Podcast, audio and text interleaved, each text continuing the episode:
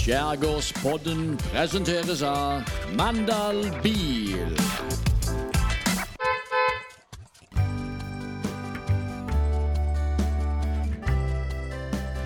Skjærgårdspodden med Thomsen og Loland. Ja, du noterer med en penn som ikke virker. Ja, jeg sa det. Febrilsk så sier det. og slår, slår han, og, og, men han virker jo ikke. Han er jo helt Du kan låne min. Se her. Det har du Benjaisa. Takk. Ja. Så hva skal du notere? Jeg noterer ned Vennesla Tiden Du holder på å skrive manus for den sendinga som vi har starta nå? Er det det du Ja. Ja, det er veldig bra. Ja, hva har skjedd? Skyte fra hofta og skrive fra hofta. Ja. Mm. Hva har skjedd siste uka? Det har skjedd siste uke? Det kan du si. Det, det har vært en utrolig eh, hektisk uke. Mm. Eh, med lansering av avis og laging av saker og andre jobber. Så hodet mitt er fullt av ting som ikke er klare å sette i system. Det har skjedd utrolig mye. Vi lanserte jo S-posten forrige torsdag, altså for ei uke siden. Eh, vi hadde besøk av Erna Solberg på fredagen eh, på en times omvisning her på Skjærgården kultursenter, hvor hun også spilte inn en videopodkast. Det er òg en podkastepisode, bonusepisode, som ligger på Spotify. Og jeg føler jo det er utrolig lenge siden. Men det er jo bare at det har skjedd så utrolig mye i mellomtida. Veldig mye på kort tid. Og så er det jo sånn, så får man sånne små sånne, sånne pro problemer, da.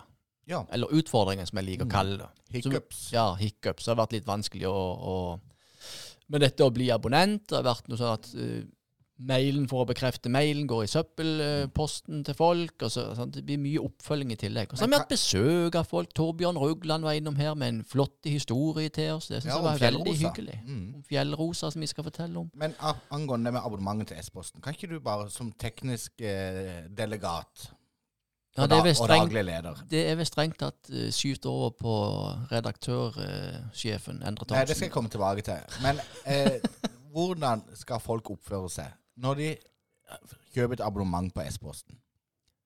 Ja, de må være veldig tålmodige. Ja. Ja, så du må gjøre det når du setter deg ned og slapper av har god tid. Mm. Ja. For det kommer et par mail. Det kommer først én Du går inn og registrerer deg med e-post og sånn, og så sender du den, og så da vil du motta en e-post for å bekrefte at det er din e-post. Og den mailen ser jeg jo veldig mange opplever å få i søppelposten. Ja, og det er jo for så vidt en, Ja, det er jo en sikkerhet i seg sjøl for Mm. mange ting, at, sånn, at noen mail skal havne der. Mm. Men noen havner der som ikke skulle ha havna der. Så det, men det vil jeg oppfordre alle til, å sjekke spam og søppelposten sin av og til. For noen, plutselig så dunker det inn noe der. Ja, og der inne på den mailen der så ligger det et sånt blått felt du kan bare klikke på, og så er den brukeren aktivert. da. Der er den aktivert. Og da kommer du videre. Da kan du fullføre abonnementet. Da må du fortsette å fylle inn litt, for da skal du skrive inn adressen Ja. din og litt sånn. Og så er det jo sånn at når du først en gang er blitt abonnent på S-posten, så slipper du å gjøre det igjen. For det, Ja. det kommer jo så mye innhold der at det, det er bare den ene gangen. Da er du reddet for livet. Men apropos den eh, redaksjonen, for da er det jo eh, eh, Vi har jo ikke akkurat eh, Altså, vi har en redaksjon som består av to mennesker. Eller det vil si, vi har en institusjon som består av to mennesker. Ja. Og vi har fått titler. Det er jo veldig gøy. Du, eh, eller gøy og gøy. Jeg har nødt til å ta det opp eh, med det her. Eh, fordi at du har jo da fått tittelen som redaktør. Ja. Eh, og ikke nok med redaktør, men òg eh, eh, styreleder i eh, Skjærgården kultursenter. Eh, på en måte direktør. Og så var det liksom om å gjøre å skaffe med en tittel. Eh, og jeg setter jo veldig pris på at du var Ja, så utrolig på tilbudssida når det gjaldt å gi med en tittel. For du ville jo ikke ha en tittel. Nei. Nei. Men det du ender opp med å gi med, da, det er jo redaksjonsleder. ja, det synes jeg var Og det står flott. det nå på sposten.no òg, at Endre Drangen Thomsen er redaksjonsleder. Og det er du til gangs. Ja, og jeg setter jo veldig pris på det, men så har jeg tenkt på det litt i ettertid. For det hadde jo vært eh, For det første så er det jo det der med det å være redaksjonsleder Akkurat for øyeblikket, da. Hvis du er direktør og daglig leder for sposten.no, så består redaksjonen av én person. Og det er jo meg. Ja. og jeg er redaksjonsleder. Og det er jo hakket gøyere å være leder for eh, noen andre mennesker. Men det er altså ikke. Eh, så hvis redaksjonen hadde bestått av mer enn én person, eh, som jeg ikke gjør, så tenker jeg det hadde vært veldig gøy for meg. Eh, og så er det noen andre ting som jeg har, for jeg har faktisk notert meg det, dette her. Og, ja, og det er jo det at jeg må late som. Ikke sant? Når du er leder, så skal du helst lede noe, og helst noen. Så det som ikke hun vet, da, det er jo at jeg ofte går bort til Gerd Og så banker jeg på døra, og så spør jeg ja vel, åssen står det til i dag? Mye, mye på tapeten? Åssen ser kalenderen ut? Så later som hun er en del av min redaksjon. Det har har hun ikke skjønt ennå, da. Det er gøy. Ja, Og så går du vel innom Kjell Åge og spør om han har kontroll på saken. det er det jeg gjør. Så, Ja. så i mitt hode så består jo redaksjonen av nokså mange mennesker. De vet det bare ikke sjøl ennå.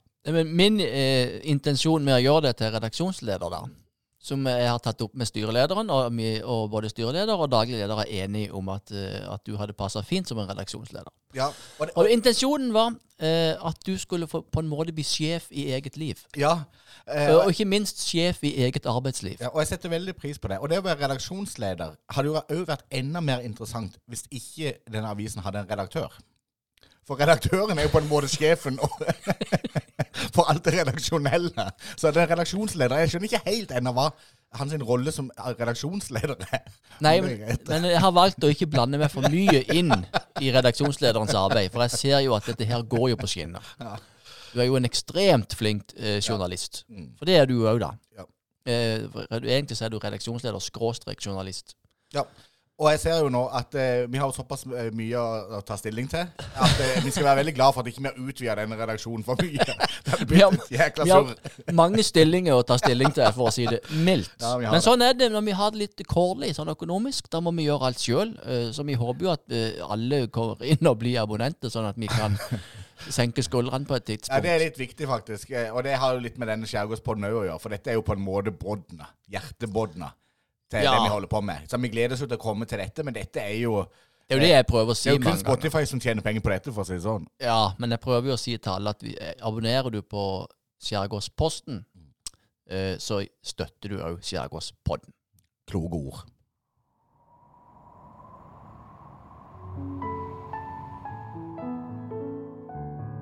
Historisk sus fra fordums tid.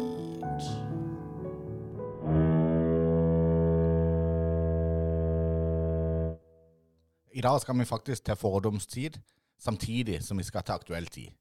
Det er interessant. Ja, det må jeg Hvordan kan noe som er aktuelt i dag, òg ha en stor historisk verdi?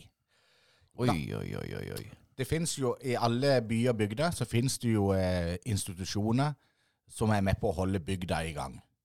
Ja. Vi har jo flere av de, men kanskje en av de absolutt aller største. Den befinner seg midt i gågata i Mandal sentrum. Og da snakker jeg selvfølgelig om urmager Abrahamsen. Ja. Eller John Ur, som mange kaller han. Det var, det var flere urmagere før i tida. Det var et større behov for det. Ja, det var det. Men det var vel litt sånn med sånn eh, eh, Bli ved din lest, skomaker òg. Ja. Eh, at det fantes liksom rundt det hvert et gatehjørne. Nå hørte jeg jo just her om dagen at eh, renseriet, det nydelige renseriet på Malmö, eh, hun eh, gir seg. Oi. Erstattes ikke, antageligvis. Disse nisjebutikkene som eh, Det er trist Ja. at ikke de klarer å holde seg i gang. Det er veldig trist. Eh, men vi skal snakke litt om urmagere. Ja, for det var tre urmagere i Mandal Mm. tidligere. Hørtes ikke ut som jeg kunne om det nå. Jo, og det var det. Jeg vet det kunne, Ja. at det var tre urmagere. For det sa jo Torbjørn Rugland når han var innom. Ja, han gjorde det. Eh, men vi skal konsentrere oss litt om denne eh, nydelige diamanten butikk som fremdeles lever i gågata, i beste velgående, som Jon Ur driver. Mm. Og nå må du holde deg fast. For Jon Ur har drevet i 69 år. 69 år? Han starta da han var 13 år, sammen med sin far, i 1955. Det er jo imponerende. Intet mindre enn imponerende. Nei, det er intet mindre enn imponerende. Og han holder det ennå eh, eh, til livs. Eh, og han er jo litt sånn artig. Jeg har jo et par sånne gøye historier, for jeg drev jo en pub før i tida, og da var jo Jon Ur kom stadig opp til temaet der. Fordi at vi elsker jo sånne originale butikker. Mm. Eh, og deriblant eh, så hadde jeg besøk av et ektepar fra Farsund. Eh, og det hadde jeg flere somre på rad. De kom til Mandal, de gleda seg hvert år, for de kom til Mandal på sommeren for å sjekke om klokka hos Jon Ur var ferdig. Ja. Og det hadde de gjort i 20 år. I 20 år, ja. Ja. Eh, De hadde ikke noen sånne ekstreme forventninger om at den klokka skulle være ferdig, men de stakk turen innom butikken til Jon Ur på sommeren. Ja, og så jeg bare lurer på hvordan ligger an med klokka. Nei, nå er det like før. Eh, Den har selvfølgelig John Ur da eh, lånt vekk til noen andre som har levert inn en annen klokke. For det var jo litt sånn før at eh, hvis du gikk ifra den butikken, eh, så, kom du, inn, så må, måtte jo folk ha ei klokke på armen. Ja, så jeg må bare ta den ja. så lenge, og så leverer du bare den inn igjen når du henter den. Sånn, så de, klokkene var liksom rundt forbi. Så jeg syns det er en veldig fin historie. Og de bar ingen nag til John Ur. De syntes bare det var en nydelig historie, og de elska butikken. Så derfor Ja. la de en tur til Mandal hver eneste sommer. Og så har jeg òg en, annen- jeg har en, eh, en kamerat som kjøpte klokke hos Jon Ur. Så var han inne og kikka på ei klokke, og så sier Jon Ur eh, at ja, denne klokka her er veldig, veldig god. Og Jon Ur har nok aldri overprisa noen ting i utgangspunktet, og den klokka kosta 1500 kroner. Men så sier Jon Ur til denne kunden da, at eh, du skal få den for 1200 kroner. Ja. Hvis du vil kjøpe den. Og han kameraten min sier at ja, tusen takk for det, det er jo kjempetilbud. Det, det gjør jeg. Jeg skal være borte i plussbanken i min banken og ta ut penger, for det var jo cash kontantbetaling i den tida. Ja. Og så kom han, eh, tok han ut penger, det var jo 20 meter unna butikken, og så kom han tilbake igjen, og så sier Jon Ur det blir 1000. Det blir 1000. Da hadde Jon Ur pruta ned sin egen pris, først fra 1500 til 1200, og så ned til 1000, for det var greiere med en rundere pris. Ja. Eh, og så det gøy med dette det, at eh, denne kunden her eh, hadde kjøpt den klokka der, men så hadde eh, eh, kona hans ei annen klokke som hun hadde kjøpt på en flyplass en eller annen plass i Europa. En veldig sånn fasjonabel, fin klokke. Som eh, var gått i stykker. Eh, eller det vil si eh, Ja, det var noe med viseren og noe sånt som ikke stemte. Så han tenkte jeg tar med meg denne klokka inn til Jon Ur, for han er jo en magiker bak den lupa til å fikse ting. Så han tok med seg klokka inn til Jon Ur, og så satt Jon Ur med i timevis og jobba med den og fiksa den, og så sier han her, vær så god. Og så sier han kompisen min da, ja, hvor mye skal du ha for det? Nei, det er garantisak. så sier han, ja, men jeg har ikke kjøpt den klokka her. Nei, nei, det er garantisak. Så jeg har hørt at søstera til Jon Ur var inne for å trene opp Jon Ur til å ta betalt i en sånn 14 dagers periode før hun ga opp. Ja. Og da sto Jon Ur, for han ville jo helst ikke ta mer enn 10 kroner betalt for noe av det han gjorde. Ja, han bytter batteri for sånn 10-15 kroner. Ja, ja, ja. Og så si Nei, Jon, sier søstera. Si 40. Ja, 20, da. Så jeg tror det var en nokså tung jobb hun hadde der i 14 dager for å prøve å lære han opp til å ta betalt. Men, Men han har jo allikevel overlevd i 69 år, som du sier. Ja, Og eh, har, han har en grei leieavtale, tror jeg, på bygget der. den er veldig grei. Eh, Og den tror jeg ikke man skal kødde med. Det Nei. er en institusjon i byen. Så Jon Ur skal få lov til å være der absolutt så lenge han vil. Jeg tror han har kontrakt på det. At han kan være der Og hva så det han lenge sa han med lever. det, var jo innom han. Hva det han sa det? Eh, eh, nei, eh, han har det ikke så greit i dag. Han snakker om seg sjøl i tredjeperson. Ja, Ja. vi er litt slitne i dag. Ja, det var det han sa. Vi er litt slitne i dag. Det, jeg syns det er gøy med folk som snakker om seg sjøl i tredjeperson. Det er nydelig. Men han, var jo, han arva jo butikken fra sin far. Eh, men han hadde jo en onkel som var jordmager. Ja, nå kommer vi inn på en liten historie. Ja, eh, for onkelen til John Ur, han tok turen ut av Mandal for å drive sitt virke. Nærmere bestemt til Tvedestrand. En annen liten sørlandsperle. Ja, og eh, eh, det er en sang som er lagd. Eh, jeg lurer på om det er Einar Rose som har skrevet sangen. Og eh, der synger Einar Rose om at eh, Tvedestrand har fått en undergrunn i sin by. Sånn har ikke hendt før nede i Tvedestrand. Ja, At urmageren fra Mandal kom til Tvedestrand. For da skjedde det plutselig mange ting i Tvedestrand. men han var en kjeltring, han. eh, Det- Var han ikke det? Ingen tvil i verden om det. Iallfall hvis en skal ta eh, Ikke han som skrev Altså, ikke han som Ikke Einar Rose, men om- snakker jeg Heter han Abrahamsen, han òg, eller? Ja, det var iallfall onkel til Jon Ur. Ja.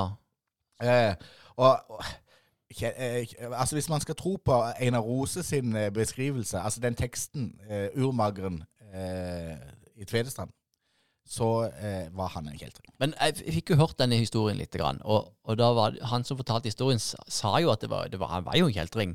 Og, og eh, det han gjorde i Tvedestrand, eh, sa jo òg John Abrahamsen at uh, han var ikke flau for å si det. 'Å ja, det er min onkel', sa han. I den tida da det skjedde, dette her. da. Ja, og det var jo flere ting som skjedde da. Han stjal jo eh, blant annet buksene til politikonstabel Sørensen. Ja, For da Eh. trodde han at ikke han kunne ta han hvis ikke han hadde uniformen intakt. Ja, og han dro jo eh, til alters, altså han dro til kirka og drakk opp altervinen. Eh, og, og så eh, beskriver jo Einar Rose dette i sangen sin, da, at eh, så nå går hele Tvedestrand til alters, for de har ikke noe annet enn akevitt. så så onkel, eh, onkel John Ur eh, ga jo eh, Tvedestrands befolkning en gave.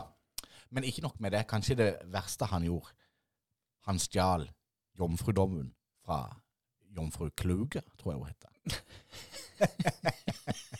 Han gjorde seg bemerka, for å si det mildt. Eh, og hun låste døra hver kveld etterpå dette. Men eh, urmagen fra Mandal hadde jo nøkkel, så han kom hver kveld. Men vet du hva Men tror du han ble eh, liksom, liksom jaga ut av byen siden han var en kjeltring, eller tror du han reiste frivillig? Det er mulig. Eh, Det er mulig. Er det noen som veit noe, så send inn. Ja, Men det dere skal få nå, det er jo en reell gavepakke. For nå skal dere få høre visa om urmageren som kommer fra Mandal til Tvedestrand. Av Einar Rose. Skal vi se om vi greier å få Og du får de egen avise i en, i en ny by. Ja. Eh, da har du satt sporet. Det er nokså etter stort. altså.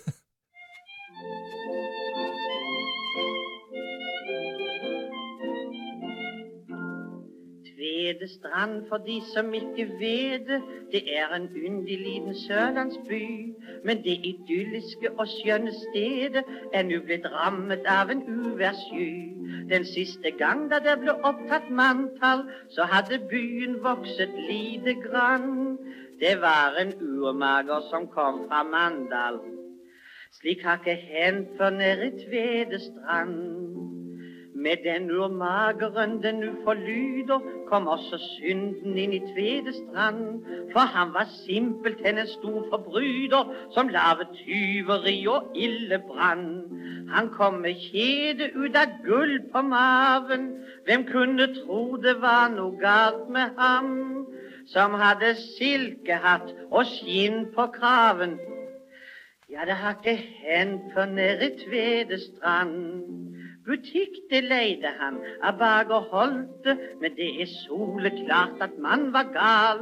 For tenk at klokkene som fyren solgte, de hadde han stålet bort i Arendal.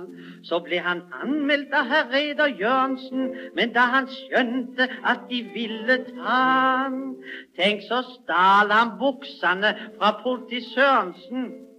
Ja, det har ikke hendt før nede i Tvedestrand. Så stjal han altervin fra presten Walters. Han hadde drukket opp ved bitt og. Og hele Tvedestrand går nå til alters, for presten har ikke anten akevitt. Så stal han veska ifra jordmor Sandal, så de som bruker henne danner vann. De må ta rutebilen helt til Mandal. Ja, det har ikke hendt før nede i Tvedestrand. Ifra barberen ble det stjålet håvann, og så fortsetter det fra sted til sted. En kanne sprit fra avholdslosjens formann, som brukte spriten mot sin skallethet. Men natta etter ble vi rent forstørra, da 20 kroner i vår bank forsvant. Tenk, nå må bankbestyren låse døra. Ja, det har ikke hendt før nede i Tvedestrand. Jeg har en god venninne, jomfru Kruge, og hennes dyd var hennes stolthet, men selv den forsvant en kveld i forrige uke. Det er en skam med den mageren. Hun har nu prøvet på å låse loftet, og låsen er jo i den beste stand. Men mann har nøkkelen, så han kommer ofte. Ja, det har ikke hendt for nede i Tvedestrand. Jeg tror ikke Det, det er en mandalitt som ikke får en statue av seg sjøl i Tvedestrand. Og er ikke ei gate oppkalt etter seg heller. Jeg Stjal sprit fra Avholdsforbundet, som brukte det for er utrolig flott. Så leide han jo butikklokale. Ja, han gjorde det. Men jeg hadde ikke fått med meg det at, at han stjal klokka i Arendal. Ja. Å, dette var en deilig historie. Ja, da tror jeg faktisk eh, vi skal la historie få være historie. Ja.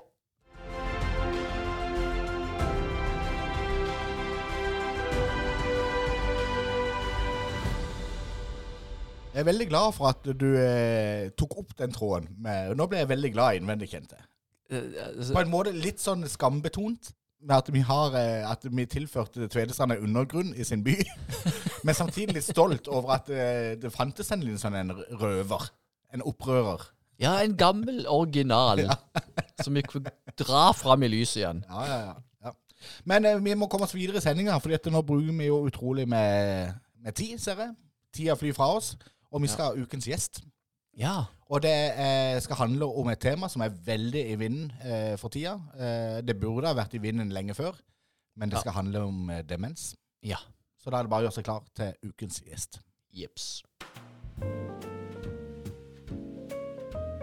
Jeg har alltid syntes at det er veldig gøy med gjester. Og nå kommer ukens gjest. Endelig. Vær så god.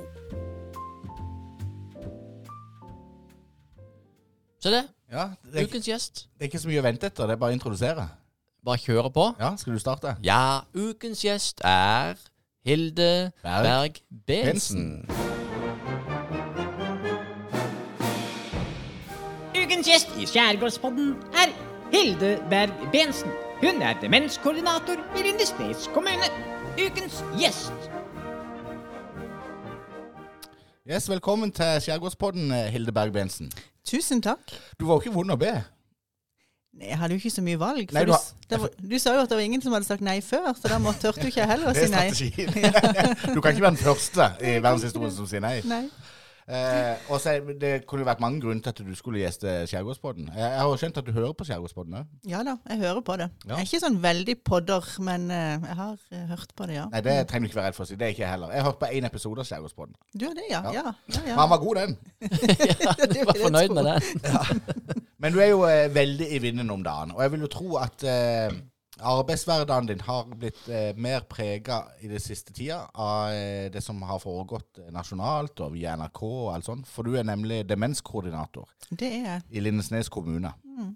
Eh, og etter denne serien som gikk på NRK eh, om demenskoret, så har jo dette blitt noe som har kommet på alles eh, lepper. Mm. Har du merka det sånn i arbeidshverdagen? At det er mer prat om det? Mm. Veldig mye mer prat. Mye mer henvendelse, og blir jo stoppa på gata, og eh, det er veldig mye mer fokus på det.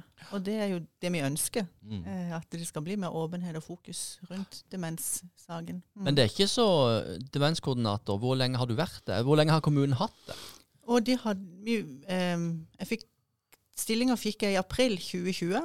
Og så vet jeg hva som skjedde i 2020. Det var det en pa- liten pandemi. Mm, ja. Og så ble jeg omplassert til koronajobbing. Og så begynte jeg ikke før i 2021, egentlig. Ja, Så det er ferskt, dette. det er ferskvare. Mm. Men allikevel har dere gjort veldig mye. Dere er i gang med pårørendeskole, og har snakka litt om å til og med ha kor. mm, vi har det. Ja, vet du, eller Mandal kommune, som jeg jobba i før, har jo hatt veldig fokus òg på demens. Eh, men nå er det jo blitt enda mer i nye, Lindes, eller, i nye Lindesnes. Det var jo det vi ikke skulle si, men eh, nå er det jo blitt Lindesnes. Eh, og klart nå med demenskoret på TV, så er det blitt enda mer fokus. Så nå må vi jo bare henge på. Vi kan Mm. ikke lene oss tilbake nå og tenke at nå har vi alt på stell. Følte du nesten at det ble sånn en slags eh, folkekrav om at eh, nå må Lindesnes òg hive seg på? Jeg ser jo det i alle aviser i det minste bygd. Alle skal ha demenskor nå. Mm, de skal det. Og klart, eh, kommunen har ikke, vi har ikke kapasitet til å dra dette alene, så her er vi jo helt avhengig av frivillige. Og det er jo de som har tatt initiativ, Ja. men vi ønsker å ha kommunen med på lasset. Og det er jo utrolig bra, eh, tenker jeg. Og det er jo kanskje det flotteste med at ting blir løfta sånn opp, det er at det er flere som hekter seg på. For det er jo klart at fra en kommune å iverksette sånne tiltak, det er nokså massive ting. Du må nesten ansette egne folk hvis man skulle gjort det helt på egen hånd. Og de fleste kommuner har jo ikke råd til det, eh, vil jeg tro. Nei, ikke Lindsnes heller har råd til det. Og klart, Kommunen snakker jo veldig på det at en må spille på frivillig, og det er jo virkelig det vi gjør nå. Nå, nå spiller jo frivilligheten på oss, egentlig, Ja. for å ha oss med på laget, og det er jo fantastisk. Har dere fått dirigent? Vi har fått dirigent, Ja. og det er jo ei eh, flott dame. Johanna Engamo heter hun. Hun er dirigent i koret Corange Ja. uh, i byen. Veldig mye erfaring. Og sjøl jobber på demensavdeling og har erfaring med personer med demens. Men rett før vi gikk inn i studio her, så snakket vi jo litt om eh, For det er jo klart dette er utrolig bra. Løftet opp i lyset og sånn. Og vi som ikke har Jeg har ingen eh, Jeg er ikke pårørende til folk med demens. Så for min del, når jeg så på dette demenskoret det gjorde, Jeg jobber jo, jeg har jo en annen jobb i barnevernstjenesten. Og jeg, en gang jeg var på jobb der, så så jeg alle episodene på én natt. For jeg ble helt hekta. Og jeg sendte melding til min søster dette må du bare få sett med i gang. For, så for meg så hadde det jo en 100% sånn underholdningsverdi. I tillegg til at det var jo en hjertevarm serie og sånn. Men så slo det meg at uh, Vi snakka litt om det før vi gikk inn her nå. At det, det er ikke, for det er jo ikke bare underholdning med demens. Nei, det er ikke det. Og derfor har jeg jo fått mye tilbakemelding på nå etter det, når det er så mye fokus at eh, når du lever med det 24-7, så folk er dritlei av å høre om demens. For det er i aviser, det er på TV, det er på radio. Eh, så det må vi heller aldri glemme, at for de som står med begge beina godt i det, så, så er det ganske tøft å hele tida bli påminnet på det. Men jeg tror jo det der i forhold til åpenhet og i forhold til å få folk til å, snakke om det, så har det en veldig, veldig god verdi, et sånt et program. Ja, for det er jo vanskelig for, for de som lever i det. Uh, de vil jo gjerne ha hjelp, og så er det jo sånn en gradvis utviklende sykdom. Og så er det liksom eh, Når man kommer til et punkt hvor ikke man orker mer, osv. Det, det har vært en del snakk om. Jeg vet det at når får vi hjelp? Når kan vi få hjelp? Hvor, hjem, hvor lenge skal det drøyes før man kommer på et hjem, eller man får mm. Og vi har hatt pårørendeskolen, og det er det 13. året vi har den nå i, i, i år. Og det er jo de spørsmålene en får når er, når er mannen min eller kona mi eller mamma eller pappa for, for dårlige til å kunne bo hjemme? Eller når, er de, eh, når kan vi søke om dagsenterplass, f.eks.? Eh, Så det er jo de spørsmålene hele tida. Men jeg, jeg må bare si at det, den dagen man trenger hjelp, så, så er jo kommunen der. Eh, og så er det jo ikke alltid at den hjelpa jeg tenker at jeg trenger, det er ikke det, er ikke det kanskje kommunen ser at den, eller kan tilby, men, men hjelp får en når en trenger det, eh, på et eller annet vis. Ja, for det er veldig vanskelig. For jeg har jo hørt noen historier da, mm. hvor eh, ja, det gikk til et punkt hvor noen eh, kjørte av sted i bil, og så ante de ikke hvor de var henne. Mm. og, og det er jo ikke noe greit. Da er det kanskje litt for seint. historier om folk som går og løper rundt på natta i et nabolag og hyler og skriker. Da er det òg litt for seint. Altså, det er jo veldig vanskelig. Det er kjempevanskelig. Det er jo ikke, um, det, det er jo ikke så lett å, å, å skal jeg si, når, når du har barn, eksempel, så kan man si til dem at sånn gjør vi ikke, eller sånn gjør vi. Eh, og så hører de ofte på det. Eh, en person med demens, det er, jo en, det er jo en sykdom oppi hjernen, så de vet jo ikke alltid hva de gjør, og de vet jo ikke hvorfor de gjør det. Eh, og så lever de litt i nuet, og så lever de litt tilbake i fortida, og så vet en ikke alltid hvorfor går de ut på natta, hvor er de skal kjøre når de kjører, hvorfor kjører de av sted. Eh, så det er jo kjempevanskelig å, å behandle de. Jeg syns det er veldig interessant med den eh, pårørendeskolen. Eh, og når jeg var eh, psykisk syk, så eh, på institusjon eh, Og den pasienten det gjelder, den, eh, der er vi eh, nokså gode i Norge. Vi har masse kompetanse, masse behandlingstilbud og sånn. Men da husker jeg eh, hun Gunvor Launes sa en gang at eh, det som gjelder her nå, eh, for at ting, ting skal funke i hverdagen, det er å ivareta pårørende. Det er nøkkelen. Sant? De må forstå hva dette går i, og så må de lære seg noe knep. Og liksom. Så de ble invitert inn i behandlinga. Og hun hadde helt rett. Da, var det, da funker hverdagen òg plutselig, for det er jo hverdagen som er viktig her. Mm, det er det. Og det tenker jeg pårørendeskolen er, er en viktig sånn arena for. Men åssen funker den pårørendeskolen? Er, altså, vet, er det, et- et kommunalt tiltak som folk eh, som er pårørende til mennesker med demens, de kan ta kontakt? Mm. Pårørendeskolen er det, det er det kommunen som driver, eh, sammen med Mandal frivilligsentral. Eh, det har vi én gang i året, fire kvelder, med forskjellige temaer hver kveld. Eh, litt heftige temaer noen ganger, litt mye hver kveld. Men det er så mye vi gjerne vil formidle. Da må en melde seg på. Ta kontakt med kommunen eller fastlegen eller eh, ja, med meg, da, selvfølgelig. Eh, og så melde en seg på. Og så er det faste Vi har et felles undervisning først, og så er det faste gruppe, sånn samtalegruppe etterpå. Eh, mange har nok veldig utbytte av begge deler, men de- det en får best tilbakemelding, det er nok på de gruppene etterpå. At da er det så godt å høre at oi, det er ikke bare vi som har de følelsene. Det er ikke bare vi som har en mamma eller pappa eller en ektefelle som har det sånn eller sånn. Så det at vi har holdt på i 13 år og har full over fullbooka kurs hvert år, det betyr jo at det å samarbeide med pårørende er kjempeviktig. Og det er vanvittig viktig. Det er veldig bra arbeid. Eh, og så tenker jeg litt sånn, eh, for eh, demens er nok Nå er det heldigvis blitt løfta opp i lyset, og på demenskoret så var det en mann på 45 år som på en måte ble en sånn frontfigur for at dette kan skje i ung alder òg. For jeg vil jo tippe at sånn historisk sett så er dette en type sykdom som er forbundet med litt skam. Eh, de som får det sjøl òg, de som gjerne begynner å glemme og sånn, de vil helst ikke bli avslørt, så de tillegger seg noen teknikker som gjør at de kan funke i jobb og alt mulig sånn. Og har du noen sånne tips til, eh, til mennesker som For jeg vil tro noen går med dette veldig lang tid før de orker å ta tak i det. Det gjør det, for en vet jo ikke alltid helt hva det er. Mm. Selv, rett før jul så var jeg borte på plantasjen, og så skulle jeg kjøpe, hadde jeg kjøpt noen blomster, og så er det sånn, ja, er du medlem? Ja, jeg er medlem. Ja, hva er telefonnummeret ditt? Ja. Og så begynner jeg på telefonnummeret mitt, og så husker jeg ikke de tre siste tallene. Ja. Og så blir jeg jo, ikke sant, jeg kjenner bare begynner kaldsvette, og jeg kikker meg rundt, tenker, er det noen som ser meg? Her står kommunens demenskoordinator og ikke husker sitt eget telefonnummer. Og så tenkte jeg, nå, nå begynte det. Nå, det, det var det som skulle til for meg. Ja. Men så måtte jeg bare ta meg inn, og så huska jeg det.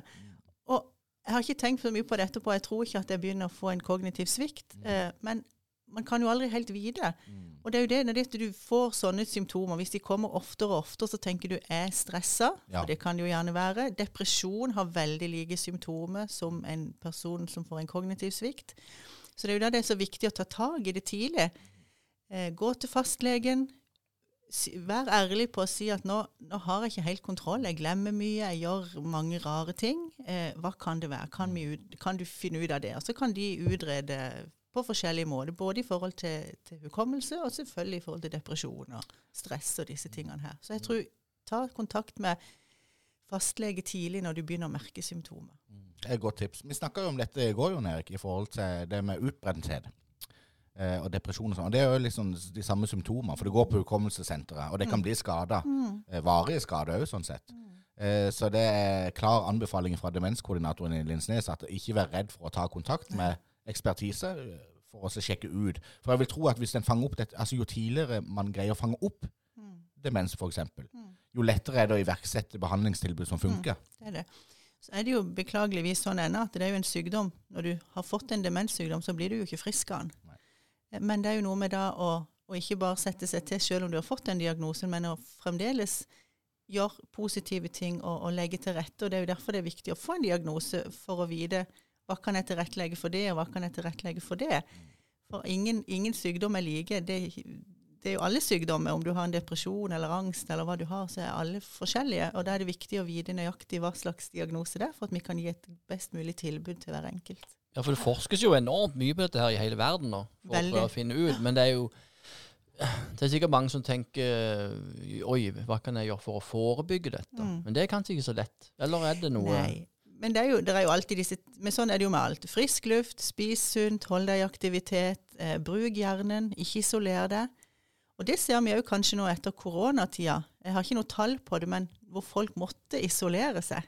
Mm. Og hvis du da hadde en kognitiv svikt, en begynnende kognitiv svikt før det, og så måtte du bli sittende inne i alle de månedene vi måtte og ikke kunne treffe folk, så gjorde ikke det noe bedre for, for uh, hukommelsen og hodet ditt. Og det syns jeg er veldig interessant, for jeg så på debatten på NRK her om dagen, og da var det i forbindelse med sosiale medier. Ja.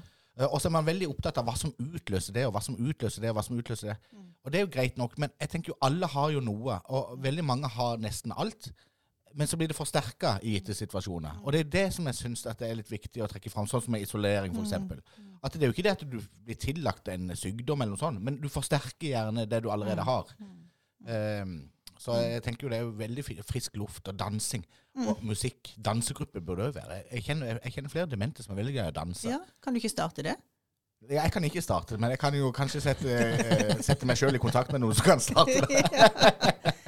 Ja, men sang og musikk, det snakka vi om i går òg. Når, når, en er- når en er gravid, eksempel, så synger en for fosteret inni magen. Når en får barn, så synger en for de, og opp gjennom hele oppveksten så synger en for dem på en, eller annen måte. Og da, hvorfor skal en slutte med det når en blir gammel?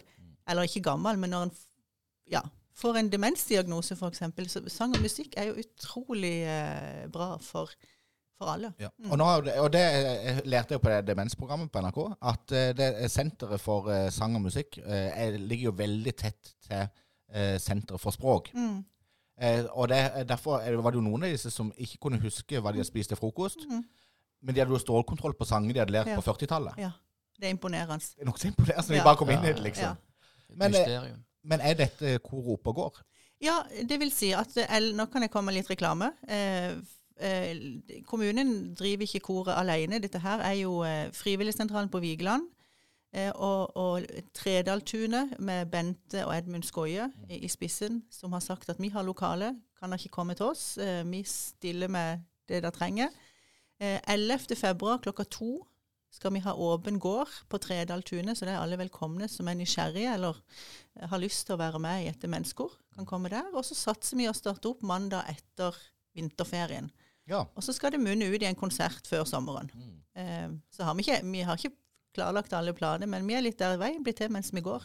Men hvis det sitter noen der med en mamma eller pappa eller bror eller søster eller sønn eller datter som har eh, demens og, og liker å synge og kunne tenke seg å være med i kor, hvem er det de tar kontakt med? Eh, kan de ta kontakt med det? De kan ta kontakt med meg, og de kan jo da ta kontakt med Lindesnes eh, frivilligsentral, Melvin Kleiven eller med Tredaltunet.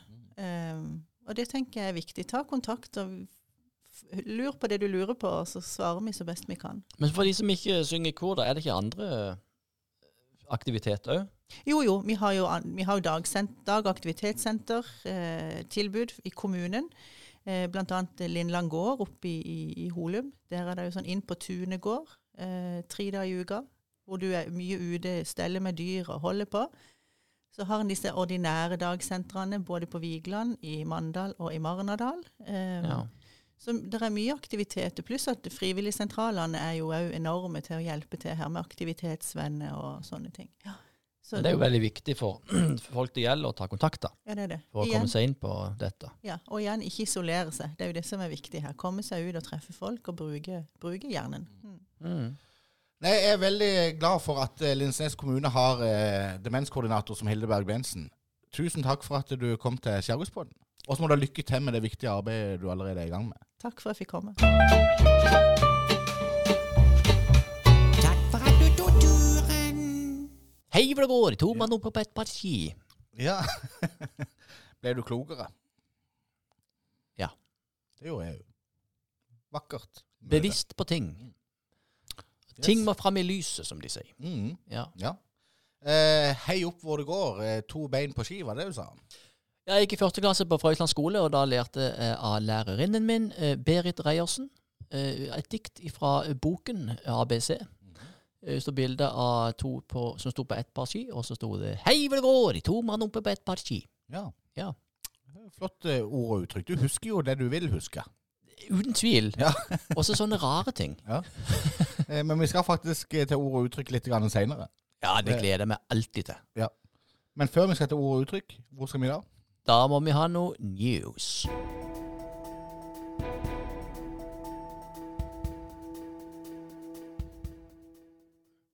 Ja, for å si det rett ut, så har jeg abonnert på Vennesla Tidene. For å si det rett ut. Ja. Har du det? Ja. Jeg er ikke Ja. flau, flau for å si det. Ja. Ti kroner i måneden i tre måneder. ja. Og nå er jeg veldig spent. Eh, Har du opplevd at det å abonnere på den avisen gir deg mer kjøtt på beina enn å lese tittelen? Nei, det stikk motsatte. Å ja. Eh, Du forvirra? når jeg nå fikk tilgang til sakene, så var det ikke så interessant lenger. Jeg syns det var gøy når jeg bare leste overskriften, og så fant jeg på resten sjøl. ja? Ja, Ja. eh, så, så jeg har ingen saker fra Vennesla Tidene denne gangen. Nei. Så abonnementsordninga har ikke lønna seg ennå? Ikke ennå, men Nei. på ti uker Nei, nei tre måneder blir det. Mm. Uh, Så skal det nok dukke opp ting og tang. Ja. Men jeg har funnet andre saker. Ok. må du vite. Ja. Ja. Jeg har gått inn på Lindesnes Avis, ja. eller l-a.no. Ja. Og der har de en sak som handler om navnestatistikk. Jaha. Og det er jo litt i vår gate. For i fjor så var det 31 jenter som fikk navnet Emma. OK. Og det er jo ikke så uvanlig, for det er et eh, navn som er- har vært brukt i, i all, alskens år. I forrige Men- episode angående navn, så, så, så, så, det kom jeg på nå. Det var veldig gøy at du du var helt sånn opprørsk, for det var ikke lov å kalle ungene sine for ulv lenger. Ja, og bjørn og hauk. Men ulv Jeg har tenkt på det. ja, og hauk. Det er det verste jeg har hørt. Folk får ikke lov til å kalle ungene for ulv. Bare ulv. Ja, ja. Ja, bare, var- ja. Eh, Og gutter, da. 40 gutter som fikk guttenavnet Lukas. Mm. Og det er, jo, det er jo hesten til Emil i Lønneberg. Og er det det, ja? Jeg tenkte jo mer på han Lukas apostelen. Ja, Mm. ikke sant? Jeg går på alfakurs. Så det er heller Ja, dette kan du. Mm. Eh, så Og så videre, og så videre, og så Ja, videre. men det er jo her Skal du ta liste opp hele Nei, lista nei. over hvor mange mennesker i Mandal som Nei, for jeg skulle komme nedover, og på, og på Ja. andreplassen, for da er det litt mer interessant. Ja. For da er det Olivia OK. på jentesida. Og det er ikke så vanlig.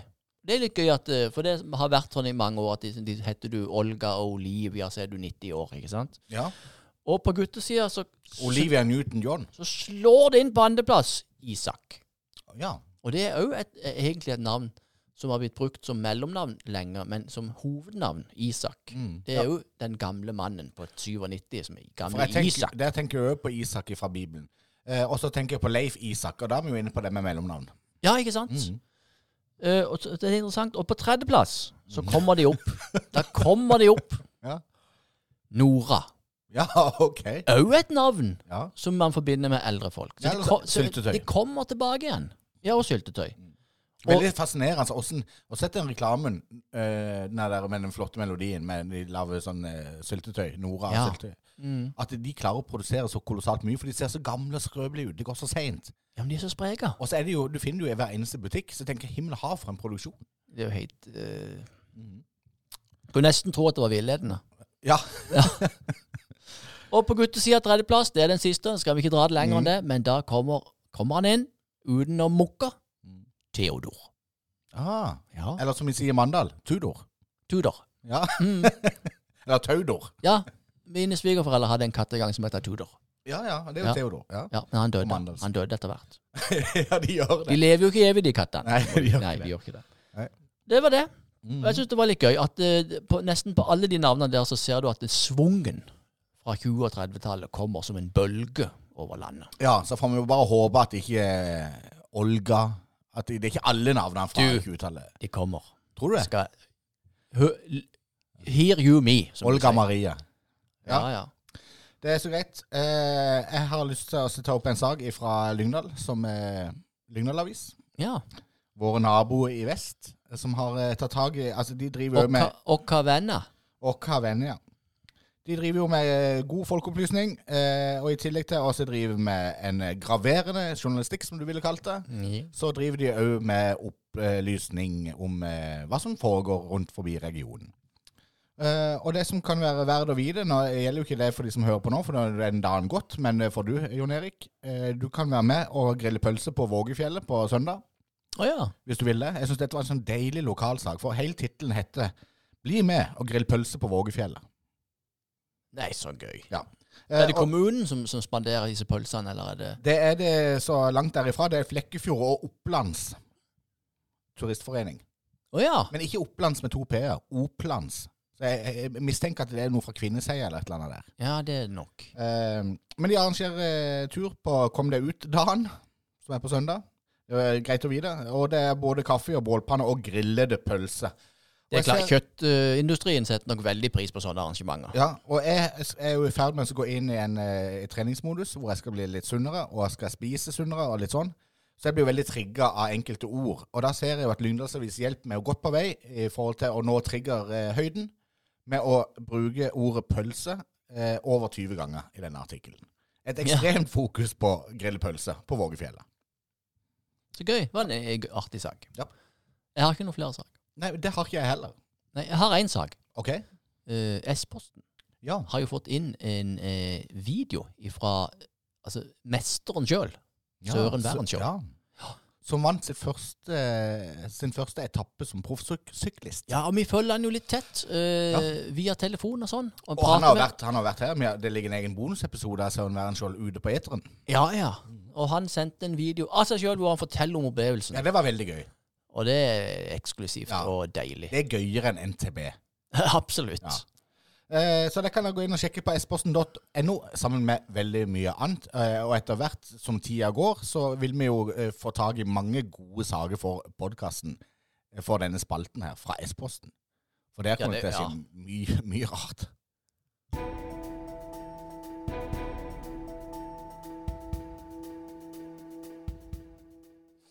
Du er veldig spent på åssen det går med dette husprosjektet ditt. Å ja, nei, For- det For nå har det jo pågått. Rom ble ikke bygd på en dag, skal du si. Nei, rom Nei. Jeg skjønner du gleder deg veldig til ord- og uttrykksspalten. ja. Eh, det finnes mange veier til rom, er ikke det jo et eh, Jo, uttrykk? men det er bare to veier til mitt rom. Ja. Men det går framover, sakte, men sikkert.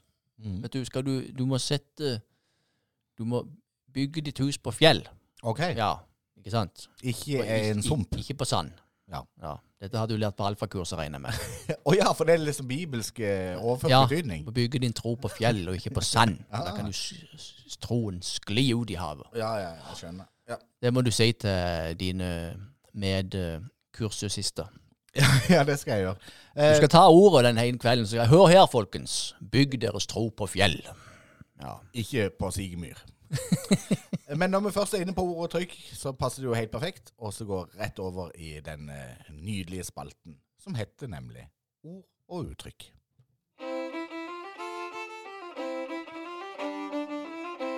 Skjærgårdspodden analyserer ord og uttrykk, samt visdomsord. Ikke fordi de må, men fordi de vil. Jeg får sånn assosiasjon til han der Sylfest. Eh. Ja, men det er jo Sigleif.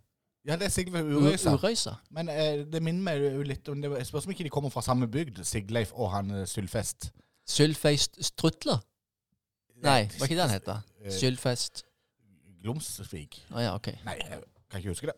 Jeg kan ikke huske det. Jeg tror Sylfest Strutler det var en figur i KLM, faktisk. Å ja. Akkurat. Det kan høres sånn ser jeg, Nå kommer han ut fra kontoret på andre siden av veggen, og så lister han seg over om han går på toalettet. Han er redd for å en ordentlig sånn listesteg, og redd for å forstyrre Det var altså eh, en av våre medkontorister. Ja. En av dine journal journalister. Ja, en av de som, eh, som ikke vet an- ennå er i redaksjonen til S-posten. yes. Vi skal ha ord og uttrykk. Loland, er du klar for å analysere? Og klar som en, en egg. Yes. Kan du repetere den? For den, eh, vi, vi var litt belærende for Erna Solberg, faktisk. Ja, klar som et egg er totalt feil. Eh, Du sk eh, det er ingen som er klar som et egg. Nei. Du skal være klar som en egg. Og det Altså sa jo Erna knivens Solberg òg, at hun hadde spisse. lurt på det mange ganger. At det var, det er jo, et egg er jo ikke klart. Ja. Ja. Så fikk vi ha litt folkeopplysning til den kommende statsministeren. Ja. Ehm, skal vi se. Nå får vi fram med, med bøken her. Ja, eh, det er jo veldig mange som sier stopp en halv. Har du Ja. hørt det uttrykket? Stopp en hals. Stopp en halv. Ja. Hva, du, hva, hva tenker du det, det betyr? Jeg har ikke sagt meg noen ting, annet enn at du må Har du aldri sagt bremse litt. Jo, jeg har hørt det og sagt det, men jeg har aldri tenkt over hvorfor de sier stopp en halv. Ja. Eh, men du er jo inne på det, da. Altså, for det er jo eh, eh, det, er jo, det er jo det det betyr. Ja, du skal Stopp, vent litt. Ja, du skal holde igjen litt. Ja. Trenger ikke stoppe, igjen lenge, men litt. Ja. Ok. Men vi som går enda dypere inn i analysen, hvor kan dette stamme fra? For det som veldig mange sier feil, nemlig, det er jo at man sier stopp en halv. Og Men- det er selvfølgelig ikke halv. Nei, det er hal. Stopp en hal. Aha. Og det kommer jo fra det engelske sjøuttrykket stopp en hall. Å! Stopp en hall. Yes. Og hva betyr det? Er ikke det å trekke inn? Yes, å dra. Ja. Så det betyr stopp og dra. Stopp og trekk. Paus. Okay. Ta deg en pause. Ta deg en pause, her. ja. Så det er et gammelt engelsk sjøuttrykk. Igjen et uttrykk vi har misforstått. Ja. Altså, det snakker snakk om altså, Hvis ikke vi får en pris snart, så skjønner jeg ingenting om språkprisen. Og så skal vi til et uttrykk som jeg tipper du har tenkt mange ganger, iallfall eh, tenkt, om ikke sagt. Eh, det er jo til dundas. At det gikk til dundas, ja. Ja, Mm. det gikk til dundas. Men heter det det? Men er det ikke ad undas? Det er akkurat det det Er ja. Men det går til undas. det heter nemlig ad undas. Eh, og det er, det er latin. Men det sier meg heller ingenting. Men jeg kom plutselig på at det er jo ad undas. Ad undas, ja. Men og, i hvilken sammenheng ville du brukt det uttrykket? Ja, At det gikk i dass. Yes. Det gikk til pieces. Ja. Eh, og det er et latinsk uttrykk som betyr til bølgene. Ad undas. Sier du det? Ja. Eh, og det er jo, som du sier, det betydninga er at det er noe som virkelig går galt. Det drukner. Det går til, ja, det går til bølgene. Mm. Så det var fin. Jeg har en siste, et siste ord og uttrykk. Eh, som, en. som minner meg litt om eh, Olsenbanden. Ja. Saken er biff. Saken er Biff Egon. Ja. eh, og da eh, kan du fortelle hva, hva vil det bety? Jeg vet ikke om du ha brukt det uttrykket? Ok, da tenker jeg bare at Biff Lag en situasjon. Ja, en situasjon, ja. Som du sier Saken er biff. Ja, altså Jeg har klargjort. Jeg har ordna det. Og du sier til meg f.eks. at eh, ja, OK, vi skal filme der i morgen. Er alt klart? Klappet og klart? Så sier jeg Endre, saken er biff. Ja. Og jeg, da tenker jeg at biff er jo noe meget eksklusivt. ja, ikke sant? Eh, et fint stykke kødd. Ja. Men det er, så, det er så feil som det går an å få blitt. Ah. Det har ingenting med det å gjøre. eh, og du er Nå tenkte jeg, nå ødela jeg spalten, for at nå kunne jeg. det er jo, Du trenger ikke være engstelig for det. Du har ikke ødelagt noe som helst. Du hadde så feil som det går an å få blitt. Og du er ikke den eneste som har tatt feil på det. For dette er den gamle kommentatorlegenden Børge Lillien. Eh, eller Bjørge, som han heter. Bjørge Lillien. Eh, han som eh, ropte det der eh, Hører du meg nå, Margaret Thatcher? Dette Ja, ja, ja. alt dette her. Han eh, sa en gang eh, når Ivar Formoe tok OL-gull i langrenn på femmila i 1976, så ropte Bjørge Lillelien utover eteren. Saken er biff. Saken er karbonade. Saken er ertesuppe. Så han òg tenkte at dette har noe med mat å gjøre, og at det er noe med kødd og eksklusivt og sånn. Men det er faktisk ikke det. For det, saken er biff. Det stammer opprinnelig fra byråkratiet. Oh. Ja, det, det stammer fra saksganger i byråkratiet, ikke fra kjøkkenbenken. For før i tida så skrev nemlig saksbehandlerne BIF punktum. Og det er en forkortelse på bifalt, Oh. som òg betyr at det dokumentet som er ferdig behandla og godkjent, bifalt. Så på slutten av dokumentet så skrev de BIF punktum. Så saken er godkjent? Ja, saken er beef. Så, men jeg, jeg kommer aldri til å begynne å si at saken er beef. Nei, du må fortsette å si saken er biff. Men nå vet du iallfall betydninga av ordet. det er veldig gøy at du trodde du ødela spalten og å komme med fasiten så Jeg håper ikke jeg blir sånn som i lunsjen, begynner å bli sånn belærende for folk. Men jeg er klar over at det heter jo ikke biff når du først sier det. Det er beef. Og så sier de 'ja, hvorfor er det det?' Nei, det husker jeg ikke. Det hadde noe med kommunen å gjøre. Så det er greit. ja, men det var bra. Det var kjempegøy. Det var dagens ord og uttrykk. Eh, Jeg går ut fra at ikke har eh, eh, brakt noen ord og uttrykk til bordet. Nei, jeg har ingenting å tilføye. Jeg har ikke det, altså. Da feider vi ut av den spalten her nå. Greit med alt som er gjort, sa mannen og skjøt et rådyr. Og skaut et råd. Det er godt sagt. Det er greit med alt som er gjort, ja. Over Ja. bekken etter vann. Vi først må å gå over bekken etter vann. Ja. For det var, det var jo det rådyret som gikk Å, som det Over. rein. Er det det du skal si nå? Den vitsen. Var det ikke noe sånn greier? Jeg husker jeg gikk over, jeg gikk i, så ble han rein. Ja. Vaska seg. Det var Men det er jo ikke et uttrykk, men det er jo en vits. Å, er det det, ja? Ok. Ja, eh, at han eh, Ja, men det begynte jo med at, han- at eh, elgen trengte ikke gå over bekken etter vann. Han gikk gjennom bekken, og så ble han rein.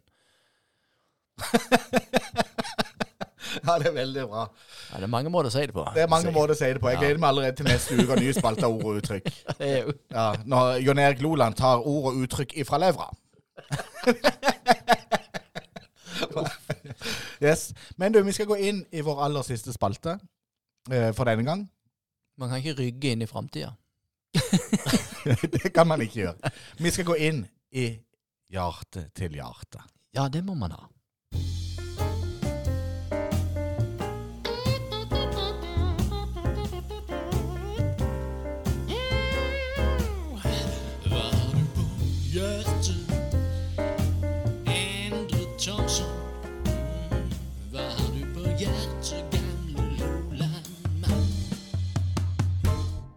Mhm. Ja, Ja, jeg har mye på hjertet. Det er jo valg. Valg. Det er, det er jo valgår, ja. Ja, men det er ikke det jeg skal snakke om. Nei. Eh, men det er jo eh, Man tar jo mange valg i løpet av et liv. Ja, det er sant. Eh, og deriblant i forhold til valgåret. Man skal finne et parti man skal stemme på. Men det er ikke det jeg skal snakke om. Nei. Jeg skal snakke om de valgene som unge mennesker nå står overfor i den tida her. Ja, det er våre unge lyttere. Det er våre unge lyttere, og da eh, er det spesielt med tanke på valg av studie og valg av skole og alle disse tingene her. For jeg mistenker at det jeg ser på hjemmebane nå, er jo en sønn på 16 år. Nå er nok ikke han den som eh, er mest bekymra. Men jeg vet at eh, han er bekymra, og jeg vet at mange er mye mer bekymra enn han for oss at de skal velge rett. Eller, og det, det er jo det som er min hjertesak, da. De, altså, de er ikke så opptatt om de skal velge rett, men de er livredde for å velge feil. Aha. Ja, for du ikke kaster vekk tid. Ja, Og det syns jeg er verdt å ta tak i. For livet er jo et pustesive. Nå har vi hatt besøk av eh, godeste demenskoordinatoren i Lindesnes kommune. Og da får jeg noen sånn aha-opplevelse. At himmel ha, vi må leve livet mens vi kan. Det går utrolig fort. Eh, noen er, Nå passerer jo du 50 år. Eh, takk Gud for at jeg ikke er så gammel. Oh. Men allikevel så føler livet går veldig, veldig fort. Og da kan jeg ikke bruke store deler av livet på å ta bekymre meg for valgene jeg tar. Jeg må heller stå i de valgene jeg tar, og så gjøre det beste ut av det. Mamma Kari døde i en alder av 95 år. Eh, De fleste vet hvem mamma Kari er, men bare en sånn kort eh, greie med henne. Det var jo hun som eh, sammen med sin mann, Ole, Ole Hallgrim Evjen Olsen, grunnla Haidom i Tanzania. Sykehuset. Ja. Og dette var jo en eh, plass i Tanzania som ikke hadde noen ting når de kom der til. Og nå er det en svær by med infrastruktur og sykehus og skole og gud vet hva. Det bor 50 000 mennesker i Haidom. Og når de kom der, så var det ingenting. Det var skog. Sier du det? Ja, og da tenkte jeg, jeg har tenkt på det mange ganger. Hun hadde veldig mye å tenke på. Ikke sant? For de skulle liksom ta vare på en hel by. Ja, ja, ja. Og så sa hun en gang, og det har alltid fascinert meg, at jeg kan ikke drive og kaste vekk livet mitt med å sortere bestikk. Og det slo meg, for jeg har vært ja. veldig opptatt av det noen ganger. Når jeg setter inn oppvaskmaskinen, så skal knivene stå der, og skal skjeene stå der. Og når jeg tar dem ut, så skal de ligge sånn i, sk- i skuffa, i den bestikkskuffa. Eh, Teskjeer, gafler, kniver. Så Det ligger har, de sånn. det sånn. har du aldri gjort. Nei, jo, jeg har faktisk det. Eh, Sier du det? Ja. Og jeg liker jo å ha litt sånn, for der er litt sånn tvang kommer inn i bildet. At jeg liker at det er litt, litt sånn, det ser litt systematisk ut. Men Ja. etter det, mamma Kari sa det, så driter jeg i det. Og så tenker jeg på det hver gang, at jeg kan ikke bruke livet mitt på å sortere bestikk. Og det er jo ikke så farlig med bestikket, men i overført Ja, større ja, betydning, det er godt sagt. så har man, an, man har så mange andre ting man burde tenke på. Og det tenker jeg i forhold til de skolevalgene som disse ungdommene gjør nå. Drit i det om du har tatt feil. Om du kom på skolen og tenker at nei, denne linja burde jeg ikke gått på. Drit i det. Fullfør. La det året gå. Ja, for det at du, man, kan ikke tenke når du, Uansett hva du velger, som vi snakker om hvis du åpner ei dør eller lukker ei dør, så åpner det seg en ny dør. Altså Hvis du kommer inn på den linja, Mm. og så angrer du litt, grann, ja, men det er jo en opplevelse. Du har fått kanskje 20 nye klassekamerater, nye venner, eh, en, kanskje en annen by, en opplevelse. Ta det med deg. Ta det med deg, og så ikke bry deg så mye om eh, Altså, ikke mål så mye hele tida. Om, om det er liksom det som gjør at du blir lykkelig eller ikke. For det det handler om, tenker jeg, det at du trives med det du gjør, uavhengig av hva det er. Du må finne noe du kan trives med. Så uansett om du har en kjip jobb, eller om det er et kjipt studie, finn det som er fint i den tilværelsen, og dyrk det. Ikke fokuser for mye på det som ikke funker. Mm. Jeg har jobba med mange i skolen, eh, og det bekymrer meg. At eh, jeg føler folk, både jenter og gutter, blir veldig fort utbrent. Jeg har jobba med folk som er 25 år gamle, som jobber i skolen, og så er de utbrent. Ja. Dritlei av skolen. Høye, høye skal, krav til seg sjøl. men der skal jobbe i 40 år til. Ja, ja, ja. Da er min klare oppfordring slutt å gjøre noe annet. Slutt å gjøre noe annet. Bytt Ja. jobb. Ikke vær redd for det. Men eh, når det gjelder disse studentene, eh, jeg er jo veldig fan av at de skal fullføre ting de har begynt på. Så jeg tenker hvis min sønn hadde valgt feil linje på videregående, så hadde min klare oppfordring vært til han ta det sjøl i nakken, gjennomfør det du har begynt på, men så start du på noe annet. Ja, ja. For hvis det er sånn at du har valgt snekkerlinja nå, så vil ikke det si at du skal være snekker om eh, 35 år til. Nei, nei, nei. Det er noe du har med deg i bagasjen. Ja. Eh, Men er derav så er det jo altså, Noen velger jo å gå på folkehøyskole, eh, og det er litt sånn tenkeår. Mm. Samtidig som du sikkert kan ta noe fag og noe greier òg. Mm. Og det er kanskje ikke så dumt. Ja. For Da tar du et år hvor du bruker det året bare på å gjøre ting som du syns er artig. Mm. Samtidig kan du finne ut hva du liker, osv. Veldig bra. Men jeg syns jo folk i videregående skole òg burde ha litt av den mentaliteten. De burde egentlig tenke oftere at de går på en folkehøyskole. Mm. Det skjønner jeg er veldig vanskelig, for de skal måles hele tida, det er karakterpress alt dette her. Så her har eh, de voksne et stort ansvar. De lærerne på videregående skole. Når de skal levere den der eh, Når de skal forberede seg til en prøve, ikke legg noe unødvendig press på disse ungdommene. Får du en Mm. toer på en eh, norskprøve i, i andre klasse på videregående, hvem er det som bryr seg om den når du er 54 år og har en jobb som du trives i? Ingen. Men der og da så betyr det alt i hele verden. For det blir sånn enormt press på å mestre ting. Ja. Flott hjertesak. Takk for Uh, vet jeg at mange ungdommer misforstår sånn eh, overførte betydninger, så jeg vil bare si til alle ungdom det, det trenger ikke gå hjem og begynne å rote i skuffa der bestikket ligger. det, eh, det kan det bare bli kaos av. Ja. Men, men eh, da skjønner jeg hva han mener. Ja. Min hjertesak, ja. Mm. Jeg vil slå et slag for de litt mer rike. Ja. Ja, de som eh, Det, enten det er for lite omsorg og trøst, sier de. ja, jeg syns det. Jeg syns det. De får kjørt seg nå. Fordi at eh, mange av de som er rike, de er ikke så rike. Eh, men de vil gjerne framstå som at de er rike. Ok. Eh, og og så vil jeg òg ta med de som faktisk er rike, som ikke tenker over pris. Og nå har de plutselig fått noe over seg. N- Ting har blitt dyrt. Ja. Ikke sant? Mm. Mat er jo blitt voldsomt dyrt. Jeg så brokkolien hadde jo stikt i været. Ja, ikke sant. Og, og der er vi inne på kjernen. Fordi at nå vil jeg bare si til alle som kun handler på eh, de dyrere og flottere delikatessebutikkene og de flottere påleggene, at det, det er ingen av oss som skal si et ord hvis dere kjøper sånn ekstraprodukter. Ja. Har det vært skam? Butikkens egen, egen eh, For noen så er det litt skam. Ja. Men nå er det ikke det lenger. Nå kan du ta den der kaviaren til 10 kroner istedenfor den til 30. Ja. For den er like god. Vi må huske på at de fleste sånne produkter som butikkene har, av egne produkter, som de kaller det for, de kommer fra nøyaktig samme fabrikk men uten et mellomledd. Ja. Det er bare en annen pose. Mm. Eh, så nå syns jeg dere skal senke skuldrene, kjøp ekstraprodukter og spare noen penger. Ja, det Det var er fin, lov. fin liten Linn-moral. Ja. Eh, og jeg tenker jo at det at det Ikke fordi du Jeg tenker jo at disse her eh, eh, vareprisene og sånn, det er jo, det er jo veldig Det som er synd med det, det er at det Altså, jeg, jeg har aldri vært noe god med penger i det hele tatt. Også om den melka går opp én krone eller to kroner. For det, det høres så voldsomt ut i media. For det er liksom å, opp med 20 Så den eh, lettmelka Jeg vet ikke hvor mye det koster. 27? Koster 29 plutselig. Så det er liksom ikke, må ikke overdramatisere situasjonen heller. Og vi har jo fremdeles en relativt høy inntekt her i Norge i forhold til forbruk på sånn melk og brød-opplegg. Så det er liksom, den hamstringa, den skjønner jeg lite av. At det, det var tomt for sukker i butikkene. Ja, Fordi ja, at det 1. februar skulle prisene gå opp. Ja. Og da tenker jeg, da har noen, antageligvis media, sådd et frø i folket som ikke er sunt. Ja, ja. Men så, men så er det jo noen det er sikkert- jeg- Nå har ikke satt meg inn i dette, da. Men jeg er ikke noe handleansvarlig. Men det er, det er noen som bruker mellom 15 000 20 000 i måneden på mat. Ja. Og det er klart, det, da blir det mye penger. Så den som er ansvarlig for innkjøpene, den, den, den kjenner du jo på når du drar kortet der. Ja, Ja. gjør det. Yes, Men da lar vi hjertet være hjerte for denne Men gang. Og så vil jeg bare legge til i hjertesaken at vann er gratis. Vann er gratis i Spring. ja. Og i Mandal så har vi jo Norges nest beste drikkevann. Vi har i hvert fall kåra til det i 1999 eller noe sånt. Og da er det vel sånn. Da er det sånn resten av livet.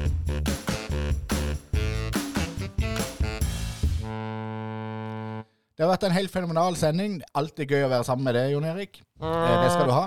Dette er jo, jeg innleder med at dette er jo liksom torsdagen. Det er jo eh, PSN, det er jo på Snap òg. De som vil følge på Snap. Der er vi jo nokså ofte, faktisk. Eh, Skjærgården kultursenter. Eh, Vi heter jo ikke det på Snap, men det går under Mandal Safari. Så hvis folk har lyst til å finne ut av litt åssen det er liksom bak fasaden Fiffig. Så, Så, kan dere stikke inn på Mandal Safari på Snap og få med dere det. Ja, du har jo flere titalls tusen følgere der. Ja da, flere Er titalls tusen. Nei, ikke flere titalls tusen, men det er mange. Det er veldig mange. Men helt til slutt, før vi skal ta outroen, så har jeg lyst til å kjøre denne. Kjenner du igjen? Introen?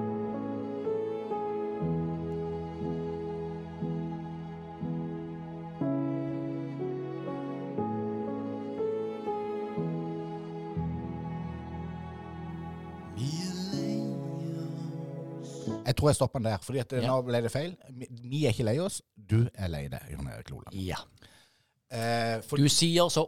du eh, er lei deg fordi at eh, du har gitt meg den eh, redaksjonsledertittelen helt uten å så ta dette opp i en sånn slags eh, generalforsamling. Jeg tror jeg det ikke opp på desken. Hæ? Jeg tror det opp på desken, gjorde jeg ikke det? Ja, åssen da tok du opp? Med det. Ja, hvordan da, Men åssen valgte du å ta det opp? det skal du hete det, det eller det? Jeg, spør, spør jeg følte aldri jeg fikk et åpent spørsmål. Det var jo aldri noen drøfting rundt min rolle i den redaksjonen. Og var det ikke det? Nei. Da legger meg paddeflat, altså. Det var akkurat det jeg håpte du og skulle gi deg selvfølgelig en ny tittel med en gang. Redaksjonssjef.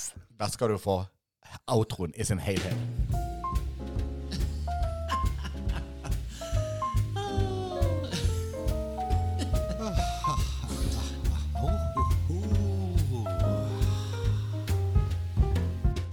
Men nå, fant jeg jo, nå må jeg jo legge meg flat neste episode òg. For at, eh, nå, nå ga jeg jo en tittel der uten å ta det opp. ja, du gjorde det. Går på smell etter smell etter smell. Ja. Ikke Eh, fordi jeg vil, men fordi jeg må. Eh, Ja. Vi i Skjærgårdspodden tar jo opp mange saker. De er oppe og vedtatt og løst. Det aller meste av det. Og nå gjenstår det jo bare å si tusen takk for alle som orker fremdeles å høre på oss, til tross for at vi har spilt inn over 80 episoder. Ja. Det går unna. Vi begynner å nærme oss et år. Da må vi snakke med han medarbeideren her i redaksjonen, Kjell Åge. Bud, budbilmannen. Spør om ikke han kan få tak i en krage eller noe fra Geheb. De kjører jo varer for Geheb. Skjærgårdsbåten skal nå lyve. Nå skal de lye. Skal du analysere teksten på vei ut? Ja. Det var sånn det Ekko. ble. Det var sånn sånn det ble. kor. Og Loland lurer på så mye. Han lurer på så mye. Men hvem er det som viser vei? Endre Thomsen viser vei. Å ja, det var det, ja. Vi høres. Ja da, jo da, men allikevel. Nei da, så Nei vi må, vi må labbe hjem nå, for vi skal ete. Neste gang skal vi ha alt på stell. Og vi håper du ønsker å være til stede.